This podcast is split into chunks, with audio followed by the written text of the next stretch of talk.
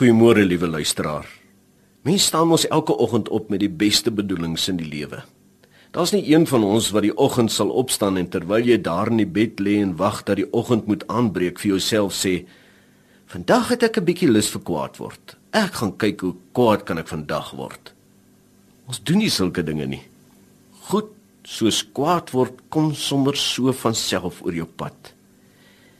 Ek weet nie hoe u daaroor voel nie, maar as die kwaad word my pad die dag behoorlik gekruis het, is my emosionele energie sommer op die grond en in die stof. Ek voel skuldig en ek voel vuil hier in die binnekant van my hart.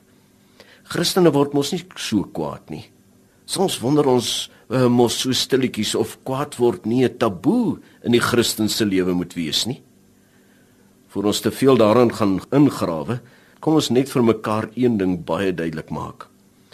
Ons is nie koue emosielose masjienagtige robotte nie. Ons is skepsels met hoop, verstandelike, emosionele en fisiese energie. Kwaad word is een van hierdie emosies wat die Here hier in my binnewerk vasgemessel het. Jy mag maar kwaad word. Eintlik moet jy kwaad kan word. Anders is jy onnatuurlik.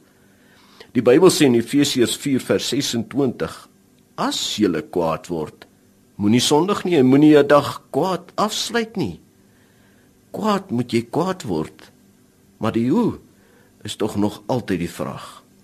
Voordat ons by die moeilike deel uitkom van hoe, kom ons gee jou net eers toestemming om kwaad te mag word. Wanneer iets vir jou te erg raak en seermaak, mag jy kwaad word. Die tweede wat belangrik is, jy moet op 'n manier uiting gee aan hierdie kwaad wat binne in jou sit. Anders gaan dit jou siek maak. Hoekom is die tweede belangrik? Jy moet asseblief nie skuldig voel oor die feit dat jy die emosie van woede ervaar nie. As jy skuldig voel daaroor, moet jy weet jy jok vir jouself. Jy moet ook uh, kan uiting gee aan die woede want te veel mense stoor die woede op. En as dit dan iewers 'n gaatjie kry om te ontsnap, is dit soos 'n drukkoker wat ontplof. Al verskil is die duurte van die ontploffing. Die impak is net so erg, maar die rammel hou net nog baie langer aan. Jy moet stoom afblaas. Die beste is om iewers rustig te raak en dan op 'n beskaafde wyse jou kwaad te verbaliseer. Jy moet dit kan sê. Al is dit partykeer op 'n velletjie papier wat jy so gou as wat jy dit geskryf het, dit behoorlik vernietig.